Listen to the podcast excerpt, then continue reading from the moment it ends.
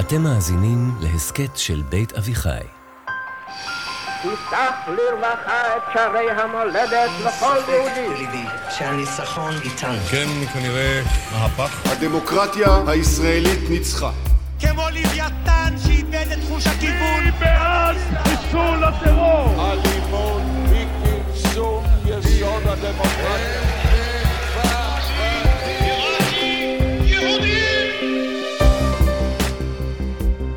שלום, אני אפרת שפירא רוזנברג ואתן מאזינות ומאזינים לפרק נוסף של מפלגת המחשבות, בו דוקטור מיכה גודמן לוקח אותנו אל נבחי הרעיונות שמאחורי הפוליטיקה הישראלית. ואי אפשר להבין את הפוליטיקה הישראלית ואת ישראל בכלל, בלי להכיר ולהבין את המזרחים. השלב הראשון בהיכרות הזאת היא ההבנה שהם לא באמת מזרחיים. המדובר בשם קוד לאנשים שבפועל הגיעו ממזרח, ממערב, מצפון ומדרום לישראל. בעיקר ממדינות דוברות ערבית, בהן חיו תחת שלטון מוסלמי. למיקום הגיאופוליטי של מדינות המוצא שלהם, הייתה השפעה דרמטית על סוג היהדות אותה הביאו במזוודה כשהגיעו לארץ. יהדות שמצד אחד לא רצתה להחרים עדי יסוד את העולם הישן, אבל גם לא לקדש או להקפיא אותו מהצד האחר. זאת הייתה יהדות נינוחה, גמישה, שחיה את חייה. יהדות מסורתית. הבעיה היא שבאופן מפתיע, כשהיהודים מארצות האסלאם הגיעו לישראל, הם פגשו פה בעיקר את אירופה. והמפגש הזה הוליד את אחד המפצים הגדולים בתולדות הפוליטיקה הישראלית. היום במפלגת המחשבות, מזרחיים ומסורתיים. מבוא למפץ הגדול. שלום מיכה. שלום אפרת.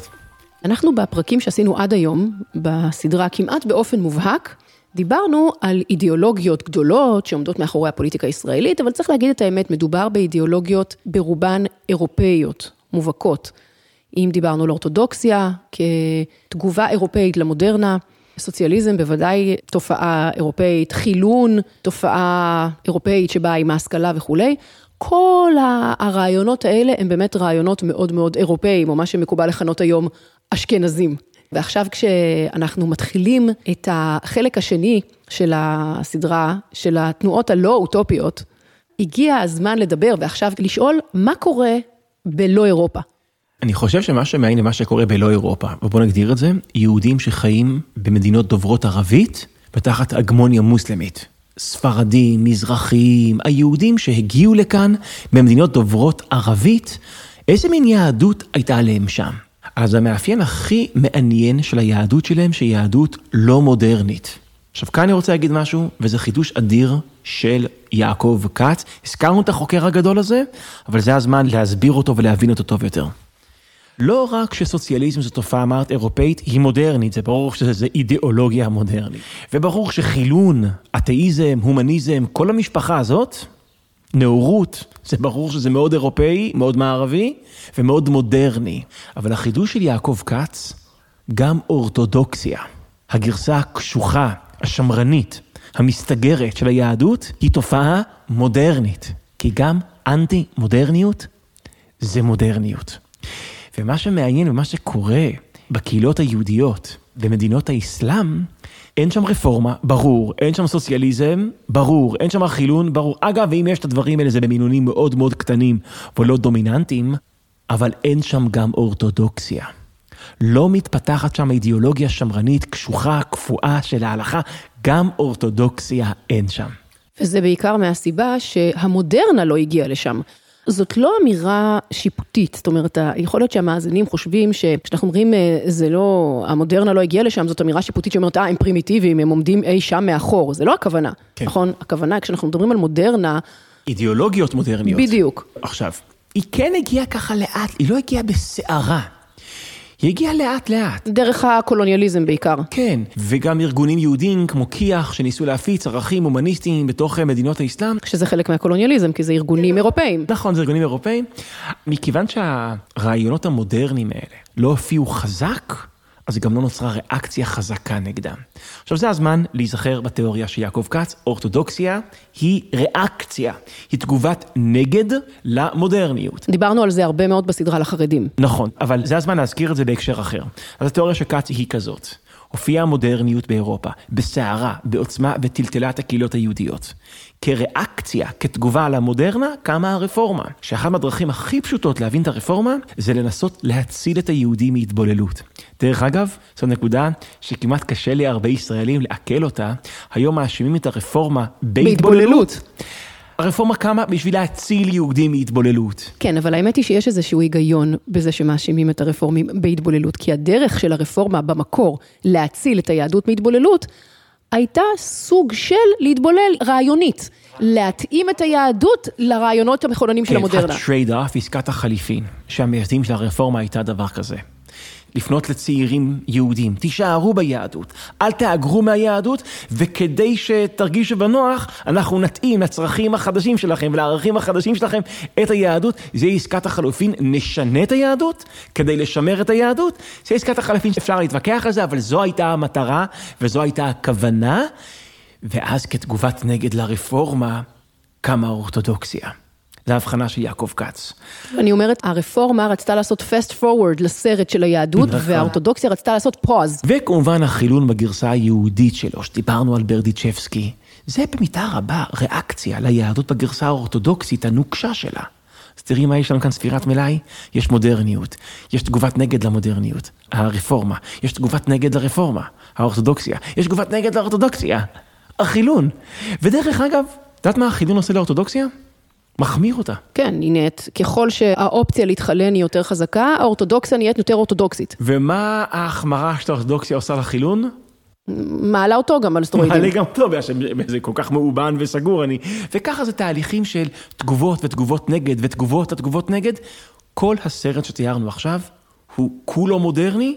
והוא כולו אירופאי. והוא כולו אירופאי, וכל הסרט הזה לא קורה ביהדות ארצות האסלאם. כל זה לא קורה שם.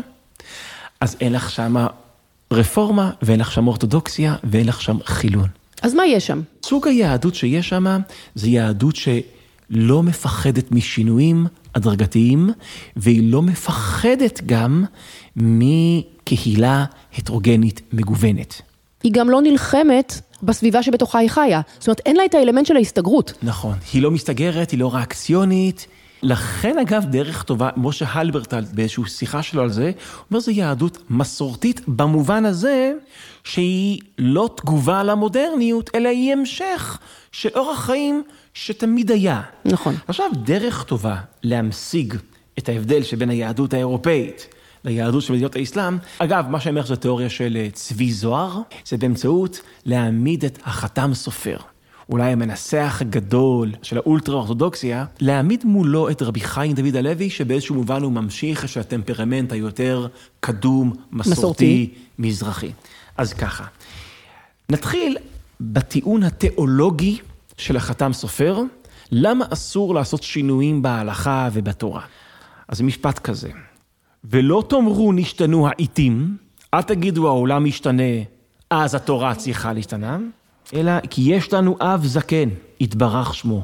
לא נשתנה ולא ישתנה. ההיסטוריה משתנה, נכון? אבל הקדוש ברוך הוא אף פעם לא משתנה. עכשיו שימי לב, אם מכאן ההיסק שהתורה לא משתנה, זה היסק מאוד לוגי. אם נותן התורה לא משתנה, אם הקדוש ברוך הוא שלם ונצחי וסטטי ולא משתנה, ברור שהוא לא משתנה, כתוב אני השם לא שניתי, אם הקדוש ברוך הוא לא משתנה, אז התורה שלו לא משתנה. זה היסק מהתיאולוגיה, מלהאמין באל לא משתנה, לפרקטיקה, ההלכה הפרקטית, הפעולות שאנחנו עושים, הן קפואות, הן לעולם לא ישתנו. דרך אגב, נובע מכאן, מההיסק התיאולוגי הזה, אפרת, שאם מישהו מאמין שהתורה משתנה, אז הוא, כשאתה מטיל ספק בנצחיות של התורה, אתה אולי מטיל ספק... בנצחיות ב... של אלוהים. של נותן התורה, ברור. של אלוהים. ולכן זה כפירה להאמין בשינוי בהלכה. אוקיי, עמדה משכנעת, נכון? תיאולוגית, היא, היא קוהרנטית. אוקיי, אני רואה כן. את הפרצוף, היא קוהרנטית. אני לא יודעת אם היא משכנעת, אבל היא קוהרנטית. היא קוהרנטית והיא מעניינת. כעבור הרבה שנים, רב ספרדי ישראלי מוביל, תיארנו אותו כמשמר של טמפרמנט מזרחי, רבי חיים דוד הלוי, שואל את השאלה הבאה. ואני מקריא, אוקיי? אך מקום איתנו לשאול, כיוון שברור ביותר שכל חוק או תקנה אינם יכולים להחזיק מעמד זמן, מפאת השינוי בתנאי החיים. אז הוא שואל, מכיוון שכל הזמן החיים משתנים, איך זה שהתורה עדיין רלוונטית? והוא ממשיך את השאלה, אני מדלג קצת, כיצד תורתנו הקדושה נתנה לנו חוקים ומשפטים צדיקים ישרים מלפני אלפי שנים, ואנו ממשיכים לנהוג לפיהם עד היום, ואף נמשיך עד סוף כל הדורות. הוא שואל, איך זה שהתורה הנצחית ניתנה לפני אלפי שנים, היא עדיין רלוונטית? במציאות משתנה. במציאות משתנה. איך זה יכול להיות? מה הסוד של הנצחיות של התורה? הוא אומר, דבר זה אפשרי רק משום שניתנה הרשות לחכמי ישראל לדורותיהם לחדש חידושי הלכה על פי שינויי הזמנים והמקרים, ורק בזכות זה נתאפשר קיומה של התורה בישראל, ויכולים היו ללכת, הלכה מלשון הליכה, מלשון תנועה, מלשון דינמיות, ללכת בדרך התורה והמצווה. שימי לב, אפרת, מה טוען רבי חיים דוד הלוי? למה התורה היא נצחית? בגלל שהיא משתנה. בגלל שחכמים מחדשים ומשנים ומתאימים אותה לשינויי הזמנים, תראי איזה הבדל מעניין. החתם סופר אומר, התורה היא נצחית ולכן היא לא משתנה. רבי חיים דוד הלוי אומר, התורה היא נצחית בגלל, בגלל שהיא משתנה. שהיא משתנה. בום, הנה מחלוקת, שימי לב, זה לא מחלוקת אורתודוקסים רפורמים, זה מחלוקת אשכנזים ספרדים, כאן קו השבר. זה גם לא מחלוקת חתם סופר רבי חיים דוד הלוי, זה מחלוקת אירופה, צפון אפריקה, ארצות האסלאם. ואז הוא אומר משפט מדהים, משפט מדהים, צבי זוהר מדגיש אותו וצריך להדגיש אותו. וטועה מאוד. כל החושב שההלכה היא קפואה, אנחנו יודעים מי חושב שההלכה היא קפואה, כן, אשכנזים, ברור. כן. טועה מאוד, כל החושב שההלכה היא קפואה, ואין לסטות ממנה ימין ושמאל, אלא, תקשיבי טוב, אדרבה, אין גמישות כגמישותה של ההלכה. מדהים. אני אקריא זאת שוב, אוקיי? כן. אין גמישות כגמישותה של ההלכה. אז הנה לך שתי עולמות. עולם אחד, חדש, אסור מן התורה. ועולם שני, אין גמישות כגמישותה של ההלכה. העולם שחדש מהסור מהתורה זה יהדות שמתגוננת ומסתגרת מפני המודרניות. העולם של אין גמישות כגמישותה של ההלכה זה עולם שבה המודרניות לא נכוותה כמאיימת, וממילא לא צריך להסתגר ממנה ולהתגונן ממנה באמצעות הקפאת ההלכה. כן, היא, היא ההלכה, כאילו, הגמישות שלה היא מתאימה את עצמה למציאות, וחלק, אולי המודרנה, כן מציאות, לא מציאות, כן הגיע, לא הגיע, זה, זה לא כל כך משנה. עכשיו, עוד הבדל מאוד מעניין. אחד המהלכים החשובים שעשו האורתודוקסים, נניח בהונגריה, זה שאיך שנוצרה רפורמה והשכלה וחילון, זה לפרוש מהאוטונומיה היהודית. לייצר בידול בינם, הקהילה האורתודוקסית, לבין שאר היהודים הכופרים. הקהילות היהודיות האחרות. נכון. הרב יוסף משאש, שהוא גם מהרבנים הספרדים, גם מאוחר יותר, אבל הוא משמר כאן משהו מאוד מאוד מעניין. הוא נשאל האם מחללי שבת בפרהסיה, מותר לשתות את היין שלהם. יש מסורת שאנשים שהם פורשים מכלל ישראל, פורשים מתורת ישראל, אסור לשתות את היין שלהם, יינם יין... נסך. נסך. הוא פוסק הלכה שמותר. ולמה מותר? רבים עתה עם הארץ המחללים שבתות השם ומועדיו. ורוב מסענו ומתננו הוא עמהם. ותמיד עמנו בחבורה, נכנסים לביתנו ונכנסים לבתיהם.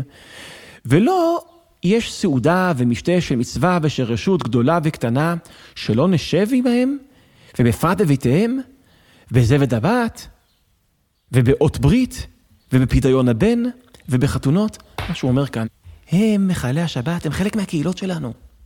אז אם חלק מהקהילה שאנחנו צריכים לתת להם תחושה שהם אורחים, ואם לא נשתה מהיין שהם ירגישו שהם לא בבית. מבינה?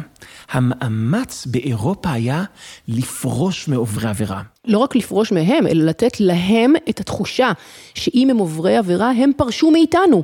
הם כבר לא חלק מאיתנו. כאן התורה אצל הרב יוסף משש מאמץ, הם חלק מאיתנו, אנחנו מכילים אותם, ואנחנו מנמיכים את הווליום של השיפוטיות כלפיהם. והנה לך אולי שתי מאפיינים. יותר גמישות בכל הקשור לשינויים בהלכה, ופחות שיפוטיות. שזה גם אומר יותר גמישות ביחס. לעוברי ההלכה. האם זה אידיאולוגיה? לא עשו מזה אידיאולוגיה. הם פשוט חיים חיים קהילתיים, קהילות הטרוגניות, עם כל מיני דרגות שונות של הלכה. הרבנים רוצים להכיל את כולם. חברנו מאיר בוזגלו, שחוקר את הסיפור פרופסור הזה. פרופסור מאיר בוזגלו. מנסח את הסיפור הזה של האופציה המזרחית והאופציה המסורתית. הוא מספר על מקום בצפון אפריקה, שבה היה צורך לחלק מהאנשים ללכת בשבת לעבוד. מה לעשות, הם צריכים לעבוד. אז הם עשו מניין לעצמם יותר מוקדם. בשבת, בשבת. בבוקר. אז הם הולכים לבית כנסת בשבת, מודים לאלוהים על מנוחת השבת, והולכים לעבודה. ואז הולכים לעבודה. אז נעשו לך שתי מניינים בשבת. מניין אחד מוקדם, של אלו שעובדים בשבת, כן? ומניין שני מאוחר, של אלו שלא עובדים בשבת. איפה הרב של הבית כנסת בחר להתפלל? במניין הראשון. במניין הראשון. הוא אמר שהוא מתפלל איתם. עכשיו את מבינה, הסיפור הזה, הרי מה היה עושה רב באירופה במקרה כזה? הוא היה אומר שכל התפילה של המניין הראשון זה תועבה. אבל הרב הצפון אפריקאי אומר, אני מתפלל איתם, עם אלה שהולכים לבית כנסת, ואז הולכים לעבוד. הגישה היא לא שיפוטית, והיא מאוד מכילה, ועושים מאמץ לא להתבדל מעוברי עבירה, אלא להכיל אותם עד כמה שאפשר. אז שואלת, איך נראית יהדות שהיא לא ריאקטיבית? שהיא לא מגיבה למודרנה, ומגיבה לרפורמה, ומגיבה... אז זו יהדות שאולי יש שם עוברי עבירה, אבל לא מגדירים את עצמם כחילונים. זאת לא אופציה בכלל, זאת מילה שלא קיימת ברמה מסוימת. יש שם עוברי עבירה והם לא חילונים.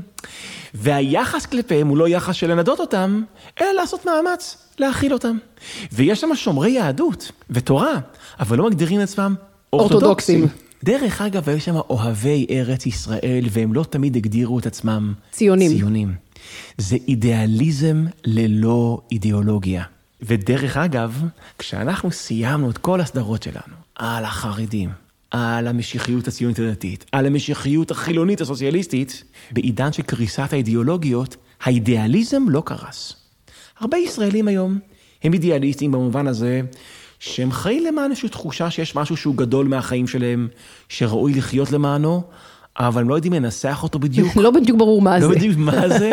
אנחנו בעידן כי קריסת האידיאולוגיות לא הביאה להתמוטטות של האידיאליזם. אז המצב הישראלי הוא אידיאליזם ולא אידיאולוגיה, נדמה לי שהמבשרים של המצב צבירה הזה, זה יהדות המזרח. להיות אידיאליסטים בלי אידיאולוגיה, אוהבי ציון בלי להיות ציונים, ועוברי עבירה בלי להיות חילונים, ושומרי תורה בלי להיות אורתודוקסים. הם לא הכניסו את עצמם לתוך קטגוריות שהם בכלל, הרעיון של קטגוריות והמשגות. ודיכוטומיות, כי ברגע שאתה מכניס את עצמך לקטגוריה, היא בהכרח דיכוטומית, כי אם אני בקטגוריה הזאת, אני לא בקטגוריה אחרת. בדיוק, אם אני יודע מה אני כן, אני יודע בדיוק מה אני לא, כן. וככה. כל זה זה רעש אירופאי, זה לא רעש שקורה בצורה דומיננטית אצל יהדות המזרח. או יהדות ארצות האסלאם, לא... אה, לא- אתה- יהדות ארצות האסלאם, נכון? כי יש מרוקו, נכון. כל הדבר הזה בעצם, אתה, אתה מתעסק בו הרבה באחד הספרים שלך, האחרונים שיצאו בחזרה בלי תשובה. ואני נשען כאן על מחקר של אנשים אחרים, אני רק אספתי את החומר, אז אפשר לומר עם חילון, סוציאליזם, אורתודוקסיה, תופעות אירופאיות, שהיהודים האירופאים הביאו איתם במזוודה לארץ ישראל. כאן נוצרה החילוניות אירופאית על סטרואידים. חרדיות אירופאית על סטרואידים. סוציאליזם רוסי בגרסה הישראלית, על כל זה דיברנו. היהדות של ארצות האסלאם, הם לא הביאו לארץ חילון, הם לא הביאו לארץ אורתודוקסיה, הם לא הביאו לארץ סוציאליזם, הם פגשו את כל זה בארץ. וזה ההבדל העמוק והמשמעותי של, אה, במידה רבה, האידיאליזם ללא אידיאולוגיה של יהודי ארצות המזרח, פוגש אידיאליזם עם המון אידיאולוגיה, כאן בארץ ישראל. אתה אומר, היהודים שבאו מארצות האסלאם לכאן, פגשו במזרח התיכון את אירופה. בדיוק, בדיוק, ניסחת את זה מעולה. המפגש, המפגש של היהודים האשכנזיים מאירופה היה באירופה, והם הביאו את אירופה לישראל. היהודים המזרחיים או הספרדים, הם פגשו בישראל את אירופה. והמפגש הזה יצר התנגשות. זו התנגשות גדולה, ואי אפשר להבין את הפוליטיקה המזרחית-ספרדית בלי להבין את המפגש הזה, את ההתנגשות הזאת. במובן הזה, המפגש הזה בין אירופה ליהדות אה, ארצות האסלאם, שקרה במזרח התיכון בישראל, הוא בעצם נקודת המוצא לכל הפרקים הבאים שאנחנו נעסוק בהם. להתפתחות של ש"ס ולכל האידיאולוגיה שעומדת מאחוריה, אבל גם לפרקים הבאים שבהם נעסוק בימין ובנתניהו, בכל התנועה הזאת שקורית היום, ישראל הראשונה, ישראל השנייה, כל הדבר הזה, נקודת האפס שלו, זה המפגש הזה בין אירופה לארצות האסלאם בארץ ישראל. וכאן אני רוצה רגע לתקן טעות רווחת שיש בישראל. חילוניות זה לא ישראליות, זה אירופאיות. קיבוצניקיות, סוציאליזם, זה לא ישראלי, זה אירופאי. אורתודוקסיה זה לא יהדות אותנטית, זה אירופאי. זה יהדות לא אותנטית. אם, אם אותנטיות זה, זה משהו שצמח מפה, זאת יהדות לא אותנטית. ואת כל הגרסאות הללו, שמרגישים שהם מאוד יהודיים ומאוד ישראלים, אבל בעצם מאוד אירופאים, החרדים עם התחושה שזאת יהדות אותנטית, והחילונים עם התחושה שחילוניות זה ישראליות אותנטית, כשבעצם הם שתיהם יבוא מאירופה, מביאים את זה לישראל, ואז כאן בישראל יהדות המאוד אידיאליסטית, אבל לא מאוד אידיאולוגית, היהדות של מדינות האסלאם פוגשת את כל זה בישראל, וההתנגשות הזאת זה המפץ שיצר את כל, ה... זה האנרגיה הרעיונית שיצרה עכשיו את כל הפוליטיקה המזרחית בשתי המצבי צבירה שלה, של ש"ס ושל נתניהו. וזה יהיה הפרק הבא. כשהייתי בארצות ים, אז התפלאתי איזה עולם. הרי כולנו אותו דבר, אז למה אחד חתול ואחד עכבר? הנה אנחנו והנה הם, שני חלקים בתוך השלם. אני אפרת שפירא רוזנברג, וזה היה עוד פרק של מפלגת המחשבות. רוצים ורוצות לשמוע עוד, להתווכח איתנו, להציע רעיונות לעונה הבאה? מוזמנים ומוזמנות לקבוצת הפייסבוק של מפלגת המחשבות. אנחנו קוראים אתכם שם וגם לפעמים מגיבים. שם תוכלו גם למצוא קישור לקבוצת וואטסאפ שקטה, בה אנחנו מעדכנים בכל פעם שיוצא פרק חדש, ולא מנדנדים מעבר לזה. בינתיים, תודה למיכה גודמן על המסע בעולם הרעיונות. ליובל אונגר עורך את התוכן, לניר לייסט עורך הפסקול, לאייל לויטה להפקה ולאבישי חורי על כל מה שהוא עושה. פרקים והסכתים נוספים של בית אביחי מחכים לכם באתר ובכל פלטפורמות הפודקאסטים.